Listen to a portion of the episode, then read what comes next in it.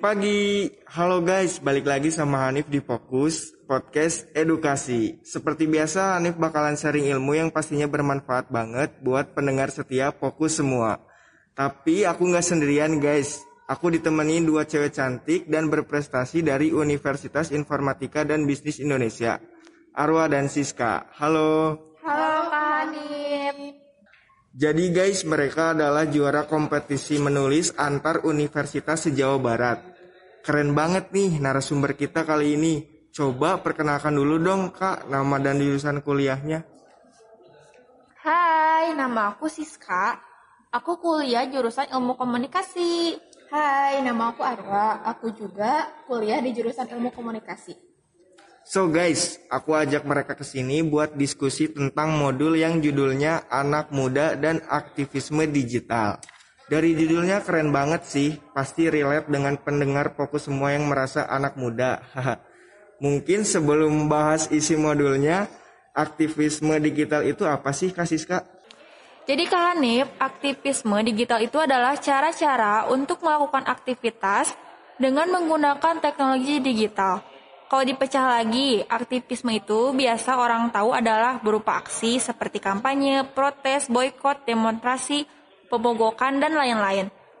Dan teknologi digital itu sendiri artinya adalah alat atau sarana yang bisa kita gunakan untuk mencapai tujuan aktivisme. Oke, jadi bisa disimpulkan kalau aktivisme digital adalah usaha-usaha untuk menciptakan perubahan sosial di dalam masyarakat dengan menggunakan perangkat atau medium teknologi digital itu sendiri. Betul gak, Kak? Iya, betul banget, Kak Hanif. Selain itu, Kak Hanif, di modul itu juga dikasih tahu bahwa menurut Mary Joyce, aktivisme digital adalah meluasnya penggunaan teknologi digital dalam kampanye untuk perubahan sosial dan politik.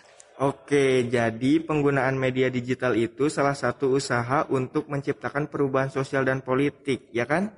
Iya kak, makanya kenapa media digital seperti sosial media atau apa pun itu harus kita pakai dan digunakan dengan bijak, karena memiliki dampak yang sangat besar. By the way nih kak, ada gak sih kontra dari pengertian mengenai aktivisme digital itu sendiri? Oke, jadi ada juga nih yang berpendapat bahwa aktivisme yang dilakukan dalam ruangan digital adalah aktivisme yang semu dan malas atau asmar aktivis, yaitu aktivisme yang bisa dilakukan sambil duduk di kursi malas atau bangku kerja. Misalnya nih dengan cara menulis blog atau membuat postingan di Facebook tanpa pernah benar-benar melakukan suatu tentang apa yang ia post dan melakukan aktivisme yang menuntutnya untuk beranjak dari kursi malas. Oke, makin seru nih pembahasan kita. Kalau untuk aktivitas digitalnya itu bagaimana dilakukannya? Kalau untuk aktivitasnya itu biasanya pakai medium atau platform online yang sering digunakan untuk aktivisme digital. Kalau dari jejaring sosial itu sama seperti Facebook sama YouTube. Karena di dalamnya terbukti berguna untuk menyebarkan pesan, juga bisa menampilkan berbagai jenis konten dan media Selain yang disebutin tadi, ada juga blog sama microblog.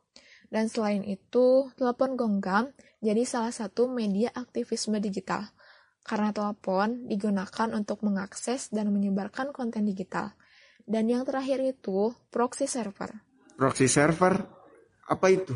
Proxy server itu adalah perantara berupa sistem komputer atau aplikasi yang ada di antara seorang pengguna internet dan situs-situs internet. Oke, oke. Aktivit aktivisme digital ini pasti berkaitan dengan yang namanya demokrasi, kebebasan berpendapat. Karena kemudahan orang-orang untuk mengaksesnya itu kan. Nah, Kak, bagaimana sih aktivis menggunakan teknologi teknologi digital untuk berkampanye secara damai dan tanpa kekerasan itu? Aktivisme digital akan senantiasa bersinggungan dengan tema-tema seperti kebebasan berekspresi, hak atau hak atas informasi, keterbukaan dan transparansi serta demokrasi yang secara umum berada di dalam ruang lingkup yang sama dengan hak asasi manusia. Oh, oke. Okay. Jadi digital aktivisme lebih sering dilakukan dengan cara-cara damai tanpa kekerasan ya? Yap, betul Kak. Tapi aktivisme digital yang bersifat tanpa kekerasan harus didorong oleh tujuan-tujuan untuk mencapai perubahan berdasarkan prinsip-prinsip hak asasi manusia dengan menjunjung tinggi kebebasan, kesetaraan, keberagaman, keadilan, dan inklusivitas. Inilah yang membedakan penggunaan teknologi digital untuk aktivisme dengan penggunaan teknologi digital untuk kampanye politik atau mendagangkan produk-produk komersial.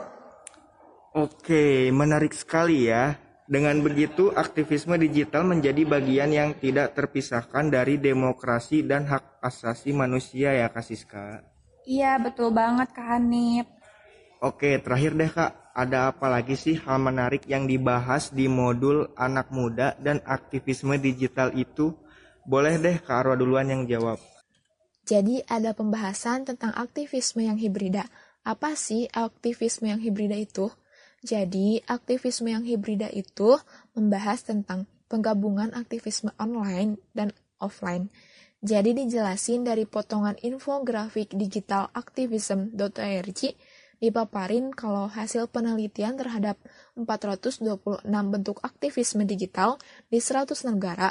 Salah satunya adalah bagaimana sih kampanye yang menggunakan perangkat dan taktik digital kerap juga menggunakan taktik-taktik offline seperti protes, demonstrasi, dan mogok makan. Singkatnya nih ya, aksi-aksi ini berawal atau menjadi perhatian di ranah online namun tidak meninggalkan atau diikuti dengan aksi-aksi di ranah offline. Wah, I see, I see. Dari Kasiska, ada tambahan gak nih tentang aktivisme yang hibrida itu seperti apa?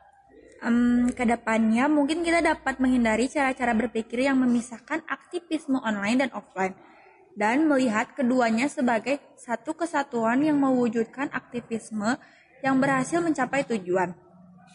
Apakah aksi-aksi online dan offline tersebut harus dilakukan oleh pihak yang sama atau dapat dilakukan oleh individu atau sekelompok orang-orang yang berbeda namun memiliki tujuan yang sama? Mungkin itu sih kak tambahannya. Oh iya Kak Hanif, ada tambahan satu lagi nih dari Arwa. Jadi, ada tiga hal dalam memaknai aktivisme digital. Seberapa efektif sih teknologi digital untuk usaha-usaha menciptakan perubahan berdasarkan modul yang kita bahas hari ini? Yaitu yang pertama, menyesuaikan fungsi dan potensi dari teknologi digital apa pun bentuknya dengan tujuan kampanye atau gerakan kita. Salah satu contohnya fungsi dari Facebook nih ya.